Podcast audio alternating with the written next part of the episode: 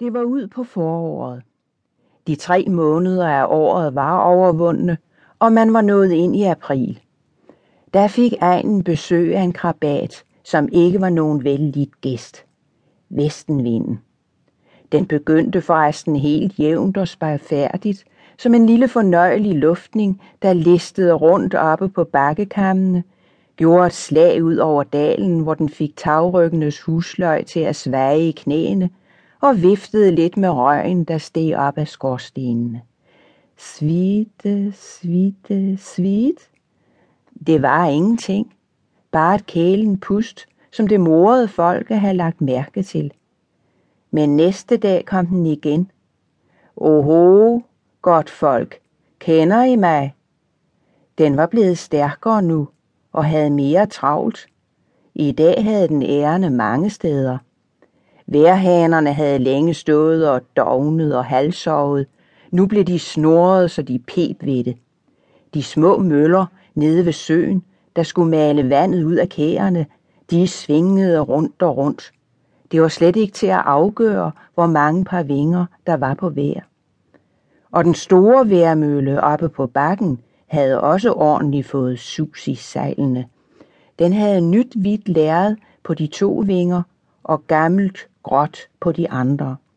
Og nu gik de krydsende vinger blink i blink, hvidt op og sort op, mørkt ned og lyst ned. Jo, det var klart. I dag var der god vind på møllen. I dag kunne der blive noget bestilt. Skønt vinden jo nok imellem kunne tage lidt hårdt i døren og ruske lovligt stærkt i tagskægget på et eller andet gavlhjørne, så folk dog ikke det første par dage helt uvenlige til den. Lad os bare få lidt frisk vejr, sagde bønderne.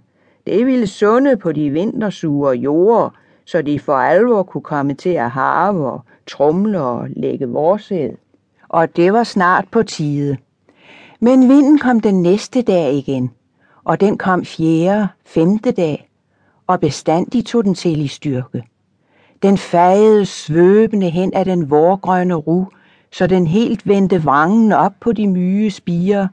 Den ruskede i de bladløse, knuppespringende træer og buske, så de knækkede ved det, og imellem brasede den på og hujede op som et rasende vilddyr. Uh, uh, til side for mig, til side. Jeg er vestenvinden, forstår I. Jeg er her. Det er mig, og jeg gør, hvad jeg lyster. Uh. Hov, hov, hov, hov, sagde bønderne. Jo, vist var det værd, der kunne sunde på de tunge, fugtige vormarker og få pløjejordene til at tørke sin fart. Men ja, det blev jo lidt for meget af det gode. Sig den friskede så rask op, gjorde blæsten, at Sødals lette og sandede jord ikke kunne blive liggende i ro. Det blev til en vældig sandflugt, og de nyharvede marker med samt det sædekorn, der alt var lagt, virvledes ind over dalen i så tykke og tætte skyer, så det næsten ikke var til at være uden dørs. Kalene, der gik bag plov og harve, var så sorte og grimede i ansigterne, at de ikke var til at kende igen. Det opvirvlede sand lagde sig i tykke lag, både i ørerne og øjenhulninger, i næsebo og mundkroge og rundt i klædernes folder. De så ud som morjaner. Hestene gik med ludende hoveder og rindende øjne. Vandet sivede i grådfulde striber ned over de lodne støvede kæber. Og børnene, der kom i flokke fra skolen, gik helt krumbøjet, eller de skiftedes til at lukke øjnene og lede hverandre. Det var jo ikke til at tåle at have øjnene åbne. Også ind ad døre og vinduer røg der med sand, selvom der var lukket. Der var altid en sprække så stor, at den virvlende balstyrige blæst kunne piske sandet igennem den. Og derfor lå det tykt i karmene og kom igen og igen, hvor meget end husmøderne fejede og viftede.